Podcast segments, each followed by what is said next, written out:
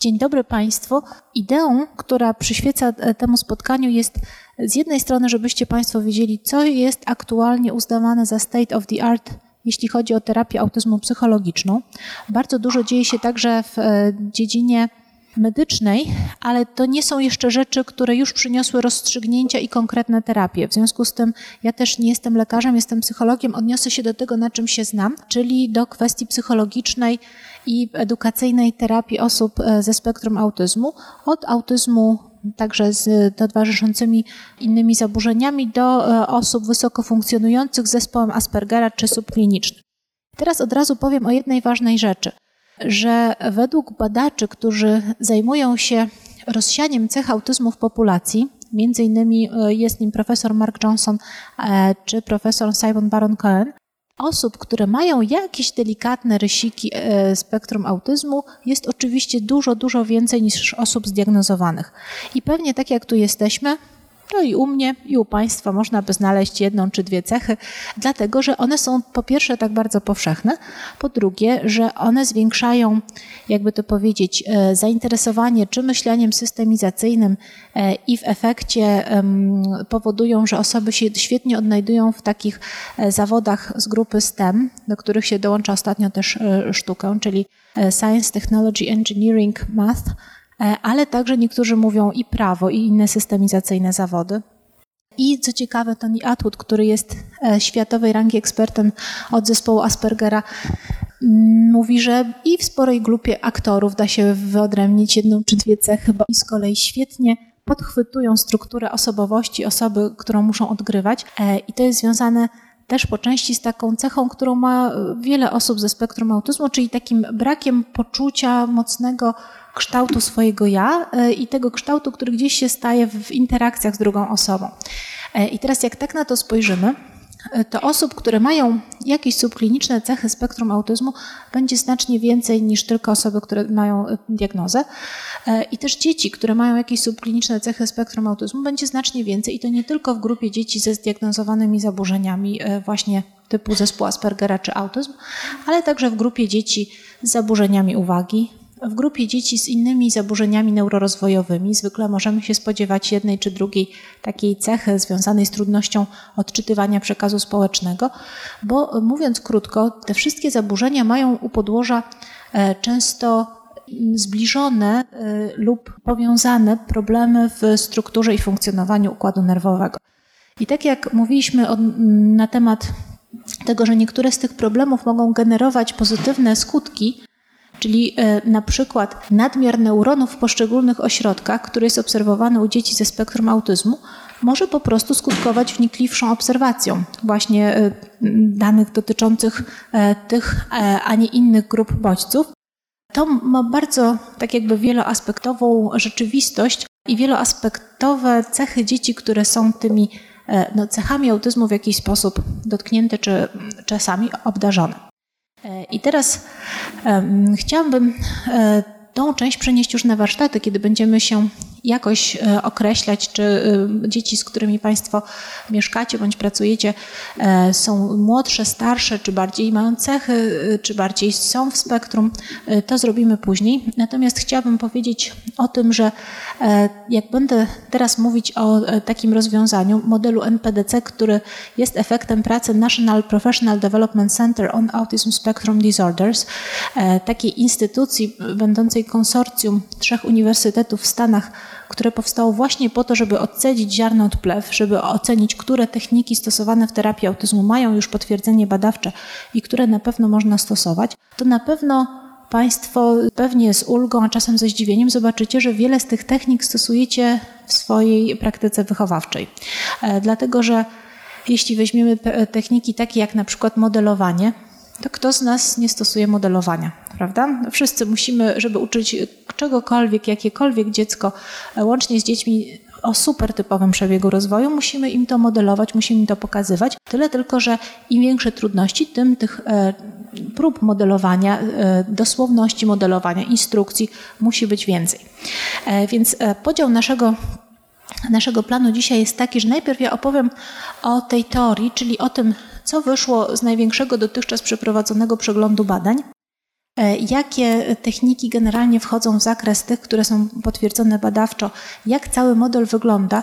Bo mówię to z nadzieją, że za kilka lat e, on będzie dostępny też dla e, placówek edukacyjnych i terapeutycznych, po prostu w postaci szkoleń, które umożliwiają całego modelu zaczerpnięcie. Mam też nadzieję, że Państwa będę mogła zaprosić na przełomie tego i przyszłego roku na konferencję dotyczącą właśnie zastosowań praktyki opartej na badaniach w terapii autyzmu, ale nie chcę o tym mówić zbyt wiele. Potem będziemy się z Państwem kontaktować, jeśli tylko się uda nam zaprosić tych gości, o których marzymy. E, jeszcze powiem dwa słowa o sobie. E, tutaj najpierw powiem od strony takiej e, kliniczno-naukowej, na warsztacie trochę więcej od strony też własnego doświadczenia rodzicielskiego. Na Uniwersytecie SWPS pracuję od 14 lat i zajmuję się z jednej strony spektrum autyzmu, z drugiej strony myśle, myśleniem wizualnym i narracyjnym, też u dzieci neurotypowych.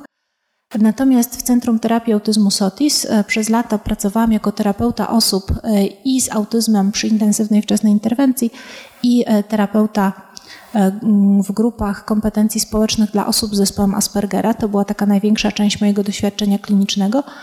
Także jako diagnosta i e, zajmuję się tam teraz badaniami i rozwojem, czyli właśnie sprowadzaniem tych najbardziej świeżych i sprawdzonych technik e, do Polski.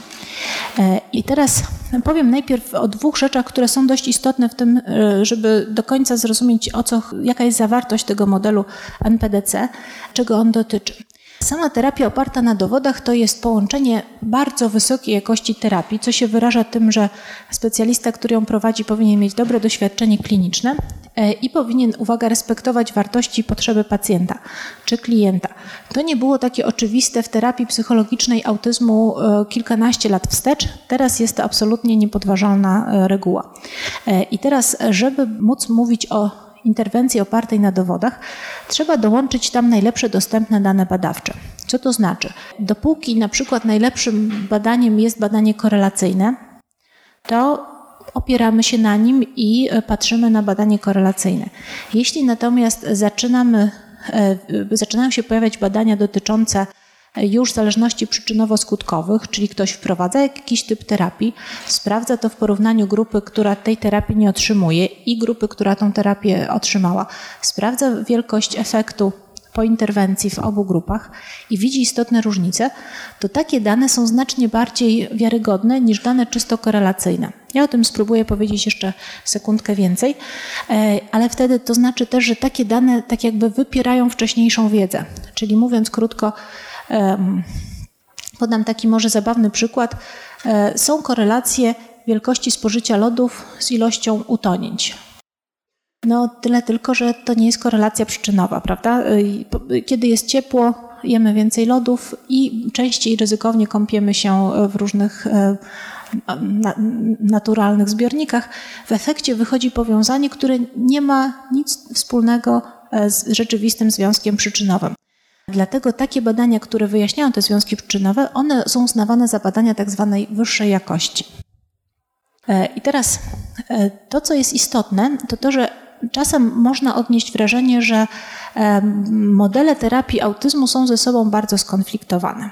Tak było rzeczywiście na początku XXI wieku, kiedy zwolennicy podejścia rozwojowo-społecznego nie rozmawiali ze zwolennikami podejścia behawioralnego i vice versa, ale to jest już e, na szczęście przeszłość. E, tyle tylko, że e, z tego, że to jest przeszłość, nie wynika konkluzywnie, że któryś model jest lepszy. I mm, zaraz powiem coś więcej. Najczęściej, kiedy się mówi o sprawdzeniu, która terapia jest najlepsza, ma się na myśli modele Model to jest taki typ terapii, który ma z założenia obejmować wszystkie elementy, gdzie ten rozwój został zakłócony, a więc przynajmniej relacje społeczne, komunikację, zachowanie, kompetencje poznawcze i samodzielność. To są takie minimalne wymogi, żeby model był e, kompletny. E, I na przykład takim, takim modelem może być terapia behawioralna, model UCLA, model Lovasa. Natomiast e, innej wielkości czy szerokości oddziaływań elementem jest technika terapeutyczna. Bo z założenia technika terapeutyczna odnosi się do jednej sfery rozwoju. I na przykład techniką terapeutyczną odnoszącą się do mowy i komunikacji u osób, które nie mówią, ale potrafią się komunikować, jest Picture Exchange Communication System, PEX, e, który się stosuje jako taką zamienną formę komunikacji obrazkowej u dzieci, u których produkcja mowy nigdy nie będzie przebiegała tak, jakbyśmy tego oczekiwali, albo u których chcemy wywołać komunikację szybciej niż idzie im rozwój mowy. I teraz takie pytanie do Państwa, dosyć proste wbrew pozorom. Co jest łatwiej zbadać porównawczo, porównać efektywność modelu terapii podstawowej czy techniki terapeutycznej? Mhm, techniki. Całkiem po prostu ze względu na zakres dużo łatwiej jest zaakceptować myśl, że dziecko załóżmy losowo zostaje dobrane do grupy, gdzie testujemy jedną technikę uczenia komunikacji versus drugą, ale już nie cały długi model, gdzie najlepiej byłoby prowadzić interwencję przez co najmniej pół roku, rok, żeby w ogóle stwierdzić jakieś różnice. To jest pierwszy powód. E, I drugi powód zaraz też opowiem. E, w efekcie tego pierwszego powodu, czyli że Mm, no, że trudno jest prowadzić badania modeli terapii podstawowej. Nie ma w tym momencie żadnego konkluzywnego badania, które mówi, że dany model terapii jest bardziej skuteczny niż inne modele terapii. Po prostu dlatego, że te modele nie konkurują ze sobą, nie konkurują model versus model, tylko konkurują model versus tak zwany treatment as usual, czyli terapia jak dotąd, e, najczęściej w placówce specjalnej, e, w edukacji specjalnej. E, I teraz e, drugim powodem, dla którego e, te modele kiepsko się poddają porównaniom, jest to, że wszystkie korzystają z bardzo zbliżonego zestawu technik terapeutycznych. Jedno z bardzo nielicznych porównań, które właśnie pokazuje model versus model, to jest porównanie Briana Boyda i współpracowników z 2014 roku, gdzie porównywano model behawioralny LIP z modelem opartym na strukturze TEACH i z edukacją specjalną ukierunkowaną na autyzm. No i teraz dwa wnioski były istotne. Pierwszy, wszystkie były tak samo efektywne.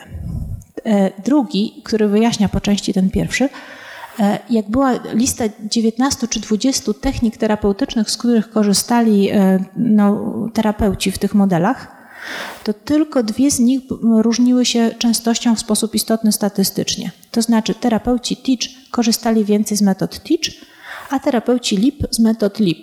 Ale poza tym pozostałe 20, 20 e, metod terapii tak samo często wykorzystywali terapeuci we wszystkich trzech e, środowiskach terapeutycznych. I to nam trochę wyjaśnia, dlaczego nie mogło być istotnej różnicy, ponieważ jeśli w większości korzystamy z tych samych metod technik terapii, no to no, jakby to, co proponujemy dzieciom jako metodę zmiany, jest dosyć zbliżone. E, dlatego badania nad e, potwierdzonymi empirycznie e, elementami w terapii autyzmu przybrały inny kształt. One dzielą się w tym momencie na takie dwa obszary. Jeden z nich to są tak zwane wspólne cechy dobrej praktyki. Czyli troszeczkę podobnie jak są wspólne cechy dobrej praktyki terapeutycznej, w której absolutnie kluczową rzeczą jest relacja z terapeutą i to, że ten terapeuta jest doświadczony i e, jest ekspertem w swojej dziedzinie. Tak samo tutaj istnieje szereg cech, które warunkują to, że ta terapia jest dobra. I niezależnie od podejścia, niezależnie od modelu, ona powinna zostać, e, te cechy powinny zostać zrealizowane. Jedną z tych cech jest właśnie szacunek i empatia względem swoich podopiecznych, odnoszenie się do nich podmiotowe i, i tak dalej, i tak dalej. E, tutaj przykłady tych wspólnych cech e, przedstawię na bazie kilku rekomendacji. E, pierwsze takie jeszcze wizualnie przedstawione kluczowe elementy, które się powinny znaleźć w terapii, to jest jasna dla dziecka struktura zajęć. I teraz u dzieci, które mają niższe potrzeby związane z autyzmem, to może być tak, że taka prosta struktura wizualna, jakiś prosty plan wystarczy, ale jeśli tych trudności jest więcej, wtedy trzeba rozszerzyć na bardziej e, obszerne czy rozbudowane pomoce wizualne.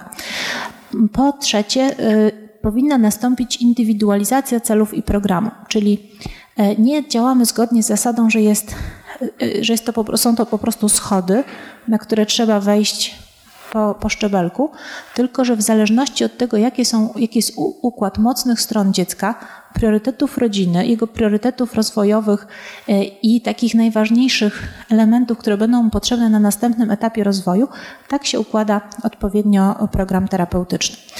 Co więcej, program powinien koniecznie uwzględniać zainteresowania i motywatory, dlatego że właśnie siła zainteresowań w wywołaniu reakcji dziecka ze spektrum jest e, nie do podważenia. I to jest e, sytuacja, w której mamy czasami do wyboru całkowitą obojętność versus jakby dosyć entuzjastyczne zaangażowanie, a tym czynnikiem, który różnicuje, może być to, czy ja liczę na obojętnych obiektach, czy ja liczę moje ukochane lokomotywki, czy ja oceniam emocje na e, jakichś fotografiach, czy te fotografie są przytwierdzone do lokomotywek, tak jak to bardzo mądrze zrobił Simon Baron Cohen w swojej kreskówce edukacyjnej The Transporters. On tam właśnie na lokomotywach, na tych różnych pojazdach, którymi interesowały się dzieci, e, e, jakby dodał im twarze z różnymi emocjami i dzieci jak zaczarowane potrafiły wpatrywać się w te filmiki edukacyjne, dlatego że one właśnie dotyczyły ich ulubionych bohaterów.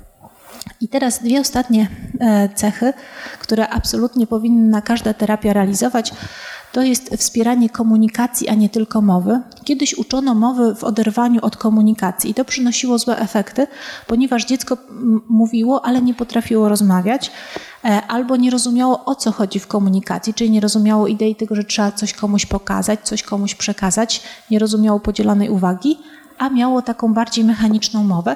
Teraz się uczy tak, żeby na pewno koniecznie uczyć komunikacji przede wszystkim i mowa za tym idzie już wtedy bardziej znacząca, bardziej rzeczywiście używana komunikacyjnie. No i wreszcie ostatni element, generalizacja umiejętności. Nie należy liczyć na to, że dzieci y, z autyzmem same przeniosą umiejętności wypracowane w jednym środowisku na wszystkie inne, tylko musimy to planować i aktywnie e, prowadzić. I teraz, tak jak Państwo popatrzą na standardy Amerykańskiej Akademii Pediatrii, które dotyczą właśnie terapii osób ze spektrum autyzmu, to generalnie one te dobre praktyki powtarzają. To, co jest istotne jeszcze, co się tutaj pojawia, no to zasada jak najwcześniejszego rozpoczęcia terapii. Jesteśmy teraz naprawdę w tym szczęśliwym punkcie, że większość dzieci z autyzmem ma już wczesną diagnozę i może mieć wczesną terapię, e, poza mniejszymi ośrodkami miejskimi, gdzie jest oczywiście e, sytuacja trudniejsza. E, ale też druga rzecz, która nas może zainteresować, to jest ten ostatni punkt, to, że autorzy podkreślają zbliżenie podejść. To, o czym sobie częściowo już mówiliśmy. E, to zbliżenie podejść jest obecne w tak zwanej publikacji konsensusu, którą podpisały współautorki 15 różnych modeli e, w terapii autyzmu, e, które to modele określają jako rozwojowo-behawioralne. To jest taki typ terapii, który łączy te aspekty relacyjne i rozwojowe, czyli takie przekonanie, że bez istotnej relacji nie da się zbudować w pełni efektywnego systemu wspierania rozwoju e, i to jest zgodne z wiedzą rozwojową. Tak jak Państwo pamiętacie, dzieci naśladują naśladują osoby, które są dla nich znaczące. Wszystkie dzieci e, w pewnym momencie patrzą na to, co robi mama czy tata i jak tata wierci wiertarką, to one też by chciały oczywiście wiercić wiertarką, ale jak dostaną e, małą zabawkową wiertarkę, to są skłonne to, tego, to powtarzać i to naśladować. E, tyle tylko, że u wszystkich dzieci, także łącznie z dziećmi z autyzmem, im większa siła fascynacji daną osobą i jej czynnościami, tym większa chęć do naśladowania i włączania jej propozycji w swoje własne codzienne życie. Czyli mówiąc krótko, w typowym rozwoju to się przenosi na to, że w pewnym momencie w przedszkolu pani jest najważniejsza na świecie, prawda? I to, co powie pani, jest święte, a to, co mówi rodzic, no dobrze, rodzic, no wiadomo, nasz stary, kochany rodzic może się trochę mylić.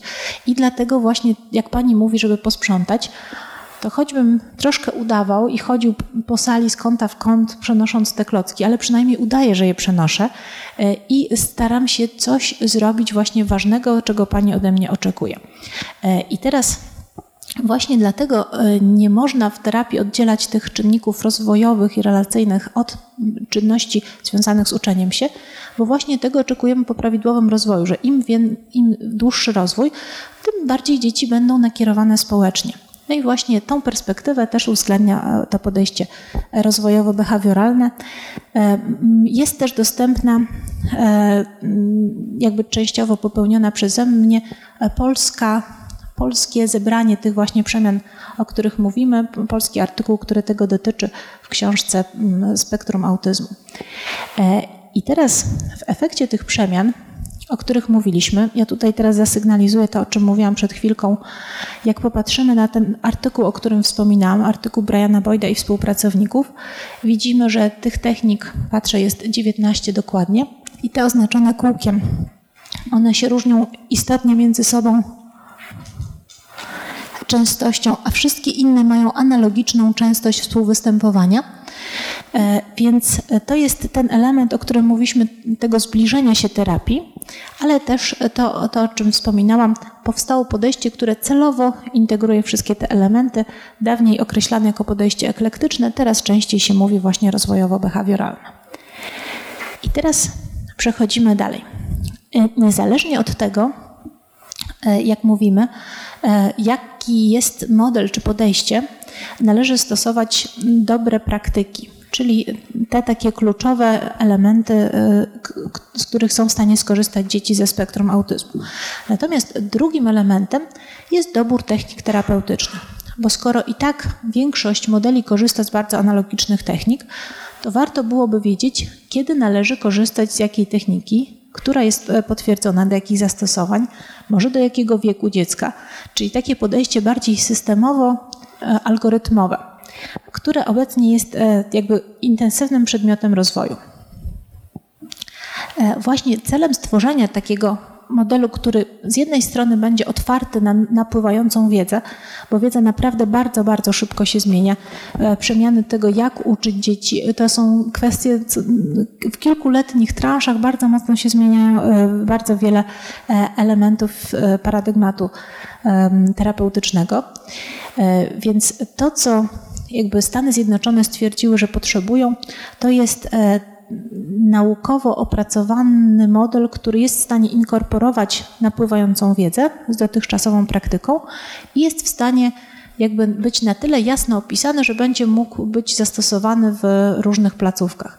Wbrew pozorom, Prowincjonalne placówki w Stanach Zjednoczonych są w znacznie gorszej sytuacji niż prowincjonalne placówki w Polsce, dlatego że jednak u nas jest kilka tych dużych ośrodków związanych z terapią autyzmu e, i, e, no i często terapeuci naprawdę mają dobry dostęp do szkoleń. E, I teraz NPDC, tak jak mówiłam, to konsorcjum trzech uniwersytetów, które właśnie powstało w tym celu, żeby takie założenie zrealizować dostali bardzo duży grant na rozwój takiego modelu, który powstawał kilka lat od 2007 do 2014 roku e, i z założenia obejmował dzieci w, w całym procesie edukacji, czyli od najwcześniejszego wieku przedszkolnego do zakończenia edukacji w koledżu. U nas to by był odpowiednik licencjata.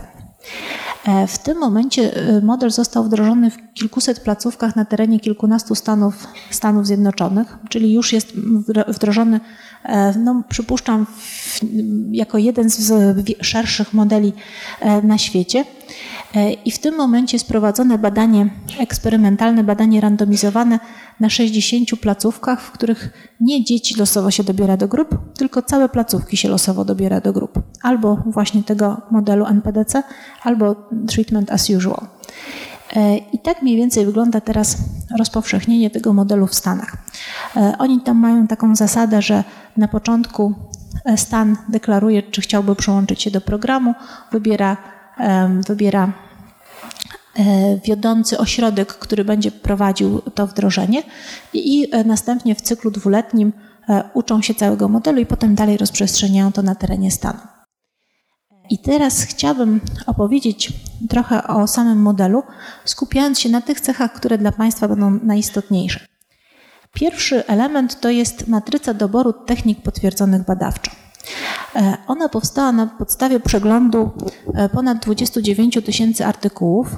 E, kryteria, które mm, były przyznane, żeby uznać dany artykuł za no, odpowiednio już wysoki metodologicznie, bazowały na standardach z dziedziny terapii i tych specjalistów współpracujących było bardzo dużo.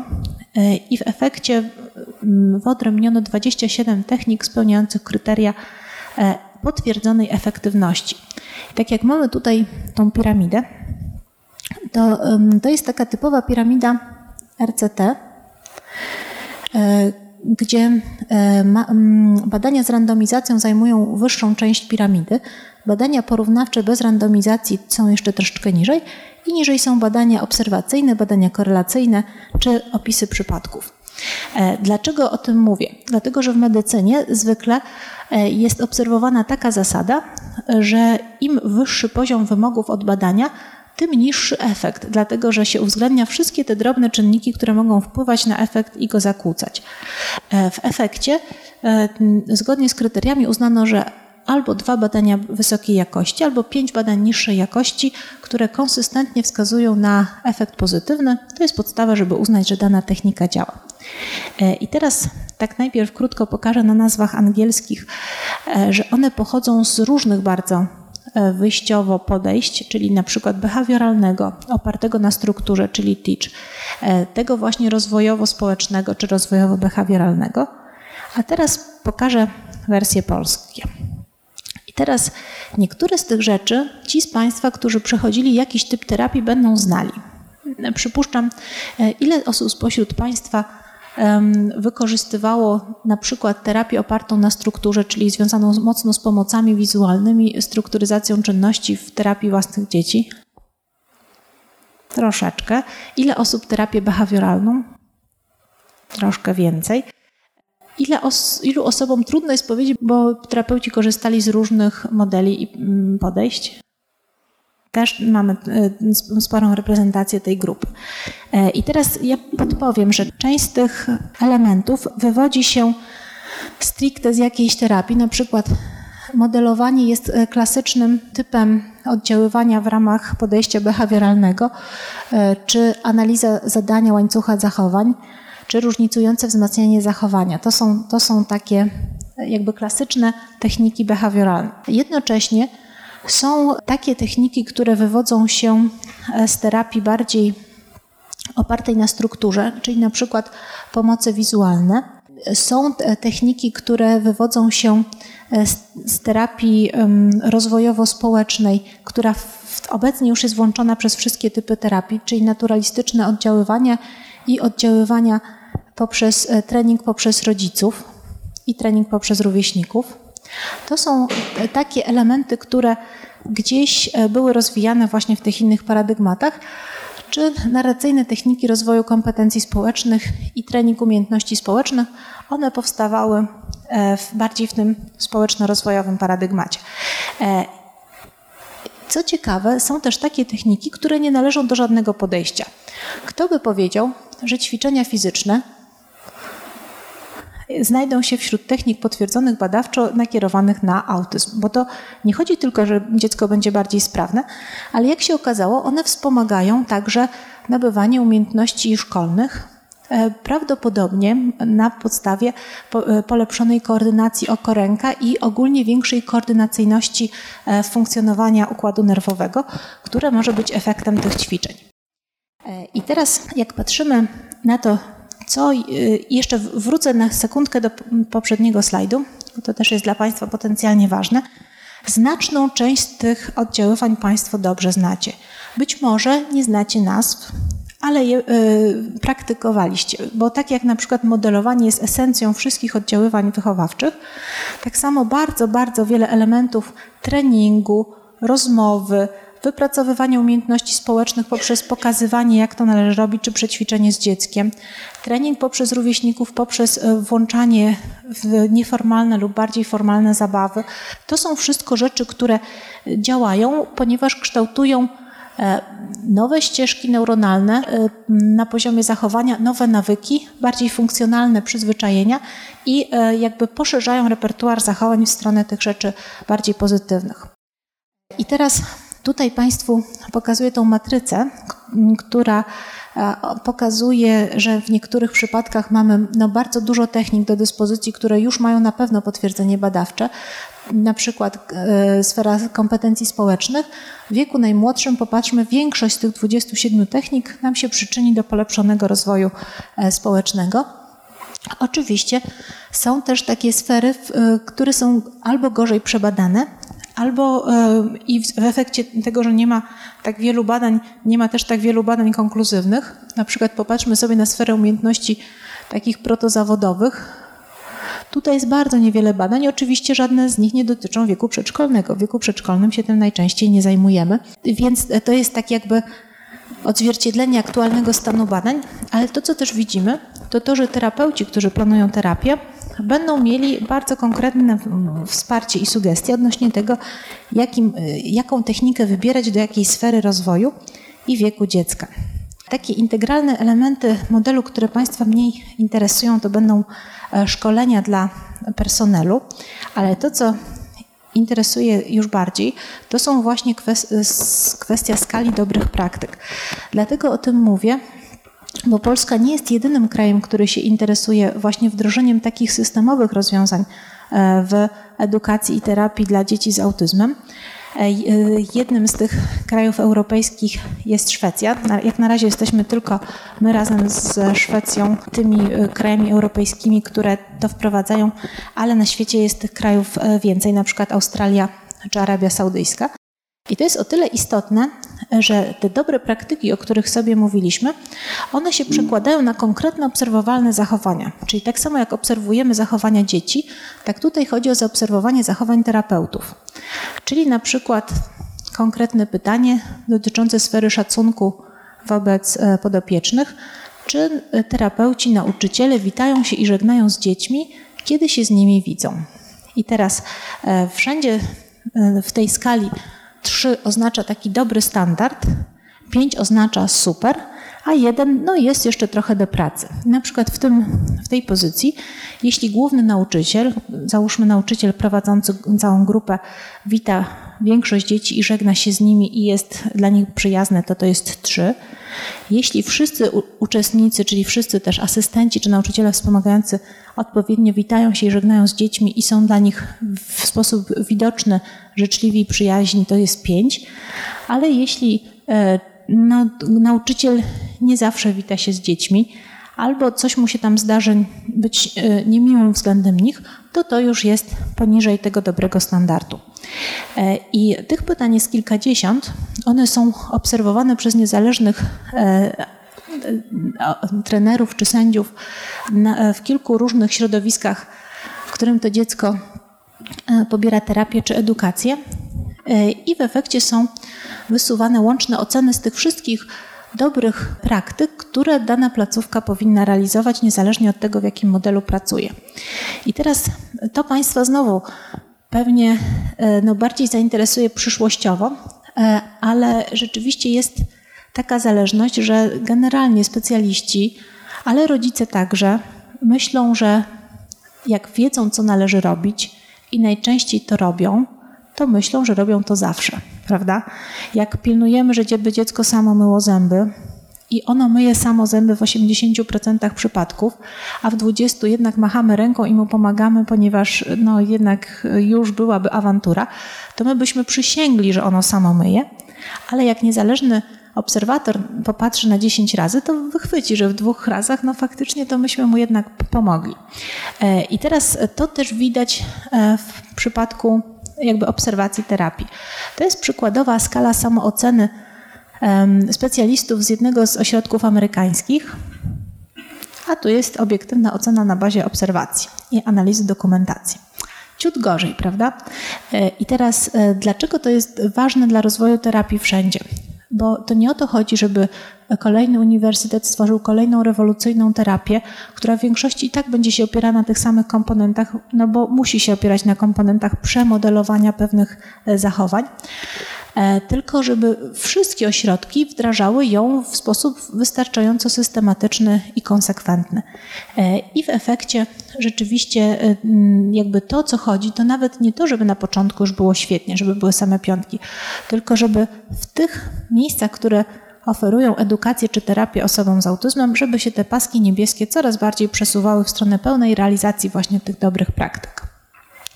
Na koniec E, ten e, ostatni element modelu to jest ocena e, celów terapeutycznych, czy one są dobrze dobrane do dziecka i czy dziecko robi takie postępy, jak zaplanował zespół terapeutyczny, czy niższe, czy wyższe.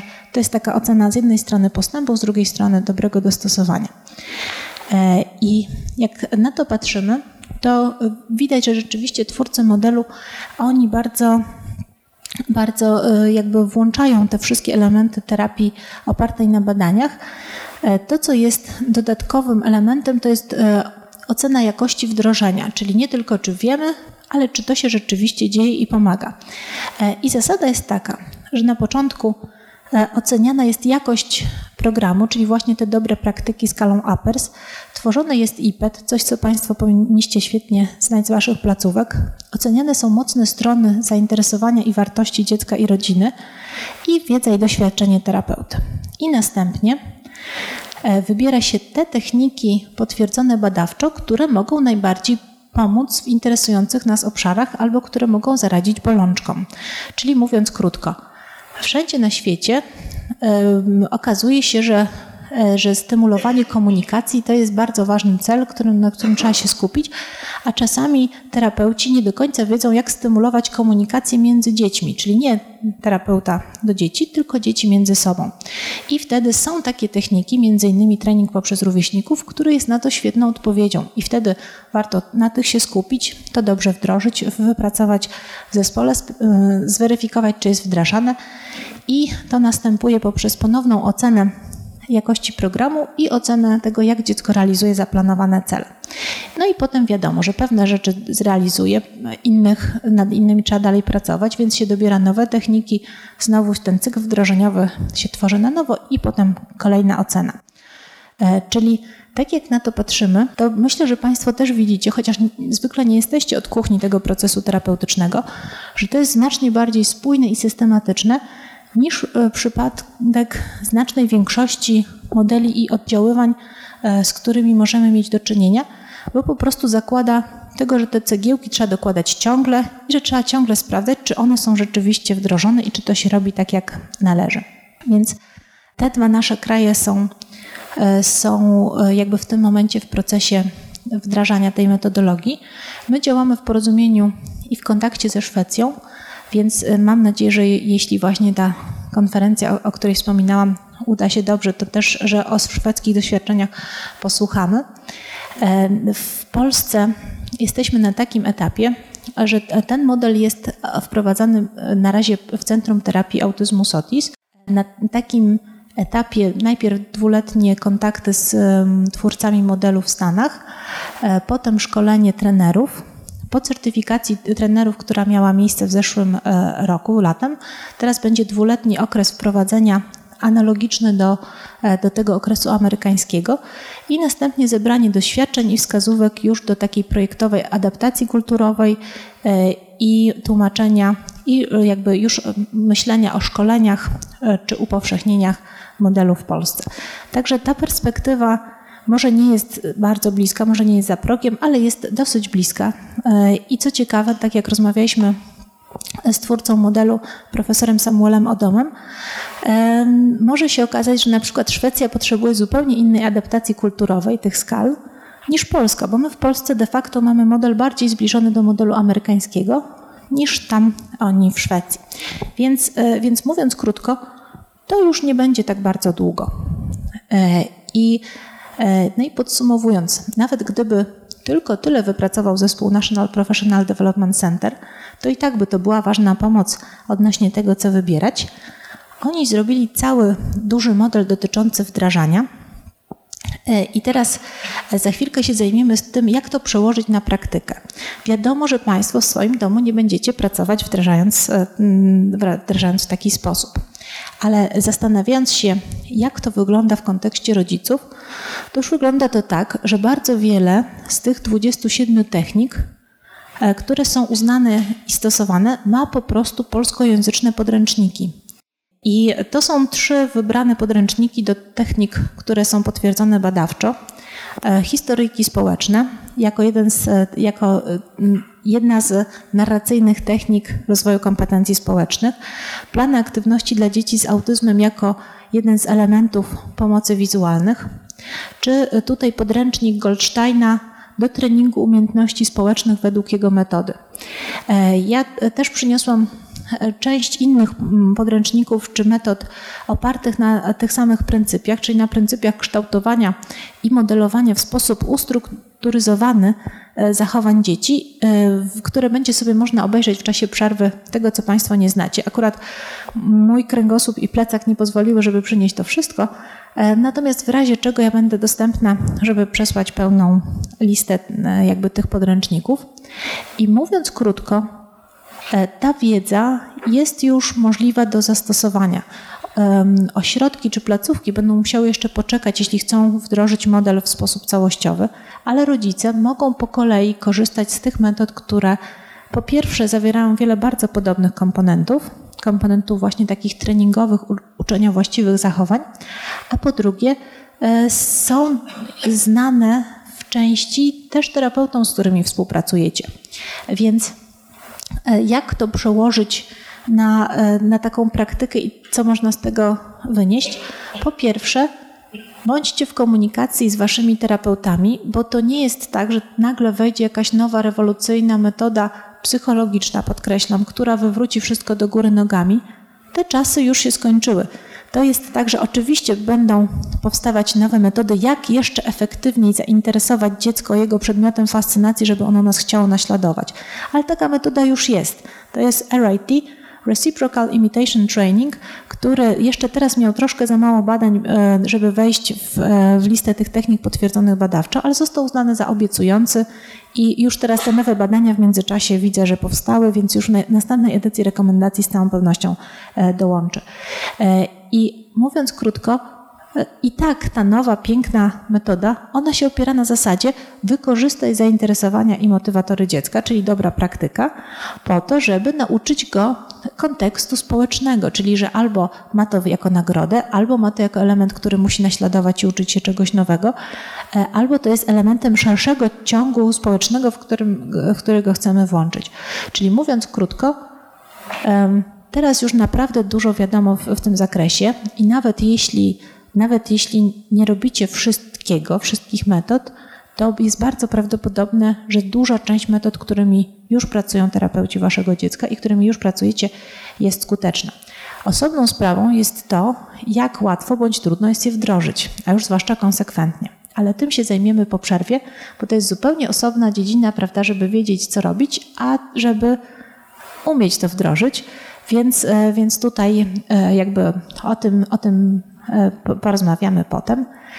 Czy możemy się tak umówić, żeby, ponieważ już dobiegliśmy czasu przerwy, żeby pytania przenieść na początek warsztatu? Super. To dziękuję i do zobaczenia za 15 minut.